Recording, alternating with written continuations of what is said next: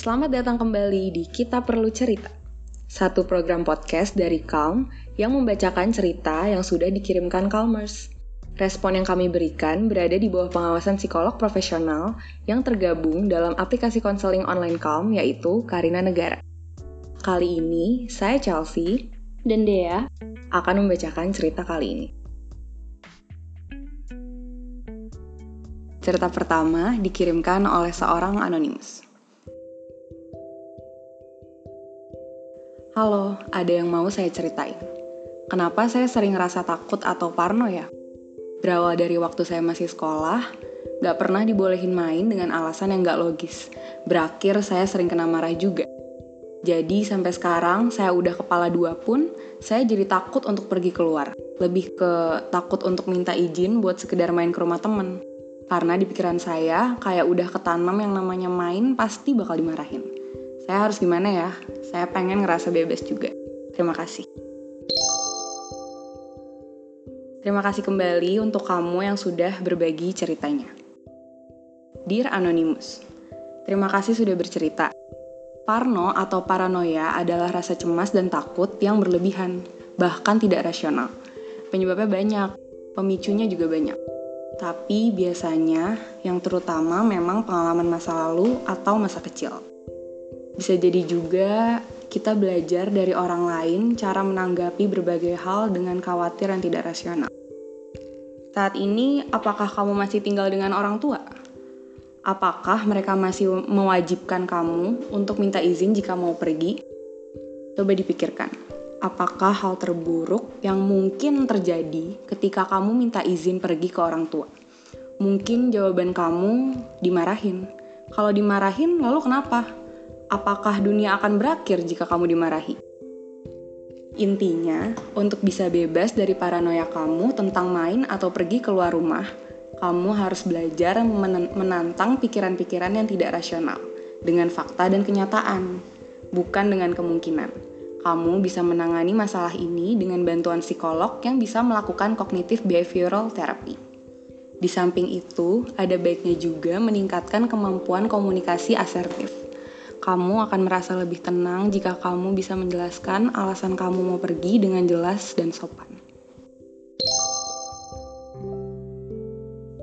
Cerita kedua datang dari Tama. Hai Kalmers, aku mahasiswa semester akhir. Insya Allah satu semester lagi aku lulus. Aku sering khawatir dan cemas buat masuk ke dunia kerja. Kira-kira bakal ada yang mau nerima aku nggak ya? Apa aku cukup kompeten buat perusahaan yang mau aku masukin? Aku khawatir kalau CV aku nggak menarik bagi para HR. Aku nggak punya pengalaman kerja kayak temenku. Misal jadi asisten laboratorium, nggak pernah menang lomba. Satu-satunya aku andelin adalah pengalamanku jadi koordinator di berbagai event. Tapi, apakah itu cukup? Gimana cara meyakinkan HR ketika di interview? Anyway, makasih ya udah jadi tempat cerita. Terima kasih Tama sudah berbagi ceritanya. Dear Tama, khawatir tentang masa depan adalah perasaan yang wajar selama tidak mengganggu keberfungsianmu sehari-hari. Mengenali kekurangan dan kelebihan diri adalah awal yang baik. Kamu sudah berbagi kekuranganmu, Jangan lupa buat daftar keunggulanmu juga untuk dirimu sendiri. Kamu harus bisa meyakinkan dirimu sendiri sebelum bisa meyakinkan orang lain. Harga diri dan keunggulanmu tidak harus bergantung pada keberhasilan-keberhasilan seperti pengalaman kerja. Aspek kepribadianmu yang positif dan soft skill yang kamu miliki bisa juga jadi keunggulanmu. Di samping itu, ingat kembali pengalaman kamu menjadi koordinator event. Apa saja tantangan yang kamu alami dan bagaimana kamu mengatasinya hal apa yang kamu rasa telah kamu lakukan dengan sangat baik. Ceritakan ini pada pewawancara supaya mereka dapat mengenali daya juang dan caramu menyelesaikan masalah.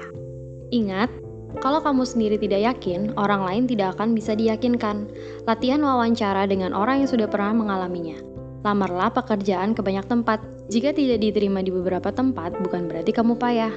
Hanya belum ketemu yang sesuai. All the best, good luck! Cerita ketiga datang dari El.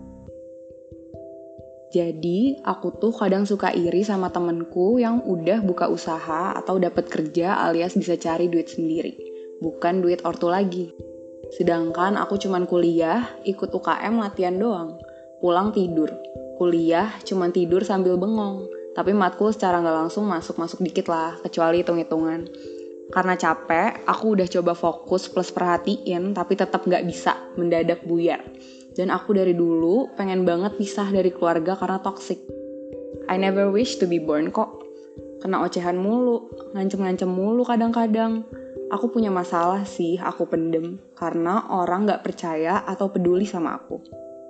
Yang ada, masalah makin panjang, terus aku disalahin abis-abisan. Kalau bisa atau siap mati sekarang, mungkin aku udah mati. Aku aja gak tahu perasaanku kayak gimana. Udah bingung. To be honest, aku gak pernah suka kuliah atau sekolah. Berharap dapat kerjaan plus duit udah banyak, terus drop out dari kampus. Sorry panjang lebar, thank you buat boleh isi curhatnya, hehe. Dear L, ketika hidup tidak berjalan sesuai harapan kita dan orang-orang terdekat seperti tidak ada yang mendukung, memang rasanya lebih baik jika kita menghilang saja. Kita kira dengan kita tiada akan menyelesaikan masalah. Padahal faktanya masalah itu akan tetap ada. Kita hanya lari saja. Sepertinya ini waktu yang tepat untuk menyusun life goals atau target jangka panjang. Setelah itu, baru tentukan target jangka pendek yang adalah langkah-langkah konkret menuju target jangka panjangmu.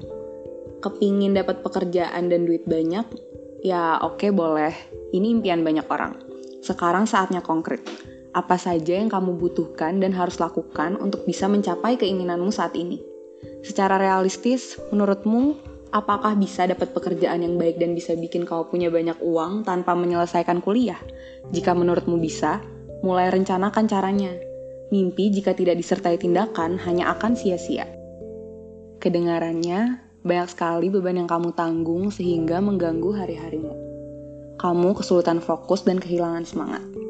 Ketahuilah bahwa semua beban itu tidak harus kamu pikul sendiri. Pertimbangkan membagi beban hidupmu dengan orang yang bisa dipercaya dan bisa membantumu menemukan solusi.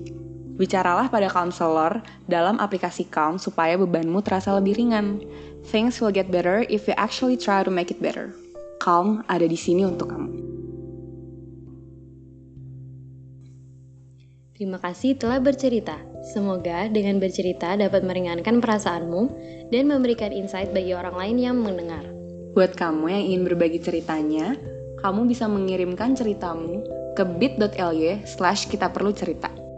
Di sana, kamu bisa bercerita apa pun tanpa khawatir dihakimi oleh orang lain. Cerita terpilih akan menerima respon dari psikolog profesional. Sampai jumpa. Dan jangan lupa, kita perlu cerita.